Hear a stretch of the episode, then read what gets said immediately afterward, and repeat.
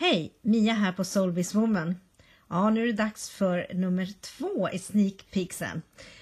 Vi håller ju på och eh, delar med oss lite här utav små korta klipp av de fantastiska kvinnor jag har haft förmånen att intervjua här under året som kommer bli ett eh, hälsosammigt-paket, ett videopaket som går ut i januari.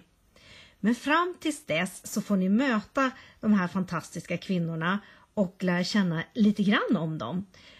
Där de delar med sig utav sin fantastiska kunskap.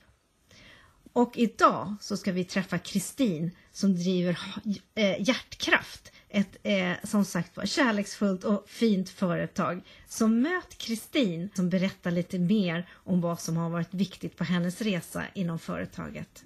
För 30 år sedan, det är faktiskt 30 år nu, eh, så kom jag i kontakt med beröring med massage. Jag hade mått inte så jättebra. Det var slut med en kille som jag tyckte väldigt mycket om och på något sätt frågade mig inte hur. Men så gick jag på en kurs i massage.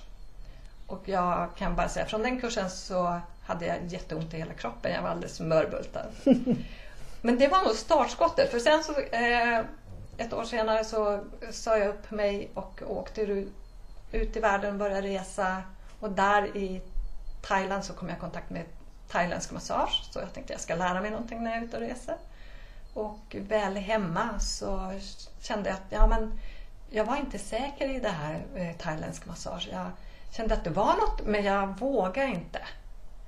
Eh, och då tänkte jag ja, men det finns någon skola som heter Axelsson så jag började. Jag, jag tar någon kurs. Och jag hade inget jobb just då.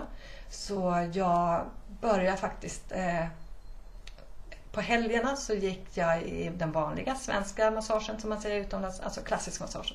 Men, och sen mitt i veckan så gick jag energimassage. Japansk massage, för det påminner lite grann om den eh, thailändska massagen. Men det var någonting där som hände när jag gjorde den här svenska klassiska massagen. Det var det här att, att eh, thailändsk massage och energimassage och det, de jobbar väldigt, väldigt snabbt på olika punkter. Men i den svenska massagen då fick jag jobba lite långsammare, lite mer inkännande. Och jag brukar säga så här, jag blev förälskad. Det var, väckte så mycket lyckohormoner i mig.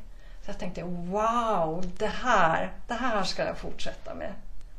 Och alla tankar på att läsa klart, alla ekonomiutbildningar, gå tillbaks till ekonomijobb, det var som bortblåst. Det var massagen och det var beröringen. Det gav mig så mycket. Så det här är någonting som eh, ligger mig så varmt om hjärtat. För beröringen och att göra någonting som gör en lycklig. Det tycker jag är väl värt att fortsätta på. Ja, det förstår jag verkligen. Vad är det eh, som, med beröring som, som är så betydelsefullt tror du? Det är nog kontakten med en annan person. Eh, att få... Det finns så många olika sorters beröringar. Det kan ju finnas beröring som eh, som man inte tycker om. Alltså det kan vara våldsam beröring, det kan vara en obehaglig beröring, någon som berör en som man inte vill bli berörd av. Men sen kan det vara någon så här mjuk, lugn beröring som, av en person som man vill ha beröring av, som man tycker är okej. Okay. Och där är det att det är verkligen att man slappnar av, det sätter igång oxytocinsystemet skulle jag säga. Det mm. sätter igång många andra eh, hormoner också, så, men det är oxytocinsystemet. Ja, det var lite grann ifrån Kristin Bomansson på Hjärtkraft. Eh, visst eh, låter det spännande. Hon har så mycket mer att berätta som kommer som sagt var i januari. Så missa inte paketet då i januari.